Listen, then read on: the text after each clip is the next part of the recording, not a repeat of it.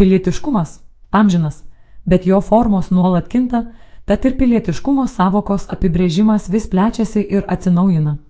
Svarstydama apie tai, kaip atrodys ateities pilietiškumas, istorikė, laidos vardantos vedėja, Raudonojo kryžiaus komunikacijos vadovė LKA Lesauskaitė neatmeta galimybės, kad pilietiškumo pamokų ateityje tiesiog neliks. Pandemijos postumiai ir pamokos. Pandemija ir karantinas kurį laiką tiesiog nepaliko kito pasirinkimo, kaip tik didžiąją savo laiko dalį praleisti ekranuose, nuo mokslų, bendravimo su draugais, gimtadienių šventimo iki apsipirkimo parduotuvėje, maisto užsakymų, sporto treniruočių ir PN. LK svarsto, kad nors šiandien jau galime viską daryti gyvai ir susitikti fiziškai, visgi neretai renkamės likti prie ekranų, nes tai patogiau, paprasčiau, vienu metu galima daryti kelis dalykus, o jei laukia šaltas oras. Jaukiau sėdėti šiltuose namuose ir žaisti kompiuterinius žaidimus su klasiokais internetu. Ar tai kuria ryšį su valstybe ir stiprina pilietiškumą? Sakyčiau, iš dalies. Mes pamatėme, jog pastaraisiais metais būtent internete prasideda didžiausios ir iškiausios pilietinės akcijos.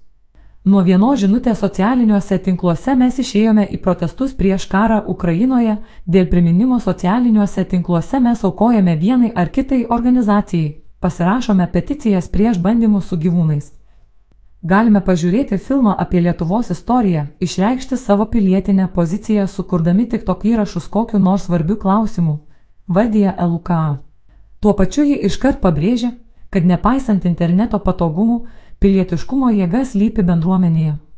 Žmonės - socialios būtybės, kurioms reikia kitų, tad, pasak Lukos, norisi tikėti, kad neišsižadėsime organizacijų, burelių ir visuomeninės veiklos. Pilietiškumą formuoja ir nuomonės formuotojai.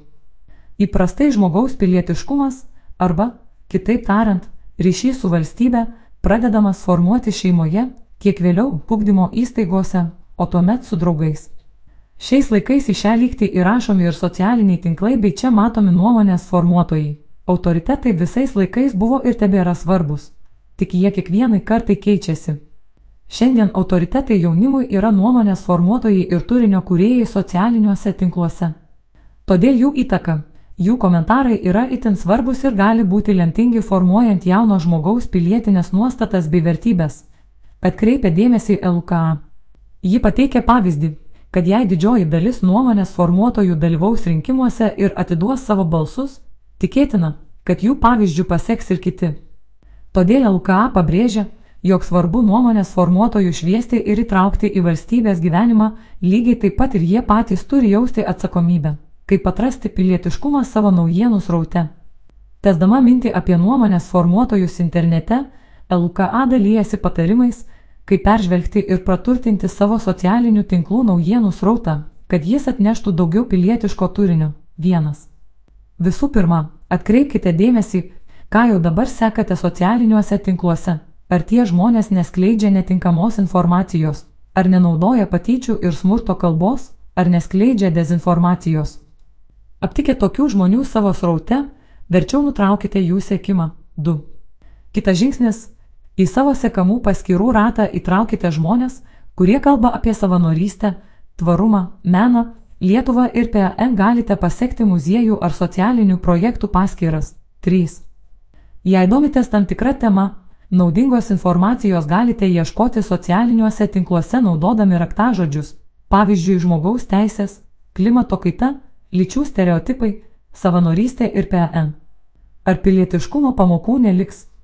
Kalbant apie pilietiškumo kaitą, LKA svarsto, kad ateityje pilietiškumo pamokų gali ir nelikti.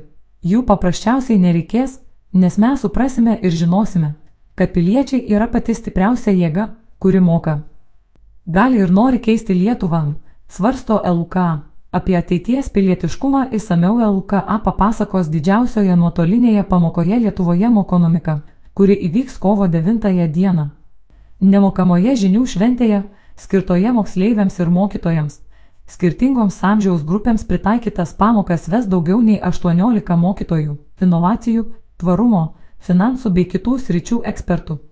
Mokonomika, inicijuojama Svetbank, prisideda prie UNICEF ir UNESCO rengiamos didžiausios pamokos pasaulyje, kurios tikslas - kurti inovatyves švietimo priemonės, įgyvendinant jungtinių tautų darnaus vystimosi tikslus. Didžiausios nuotolinės pamokos informacinis El artillo.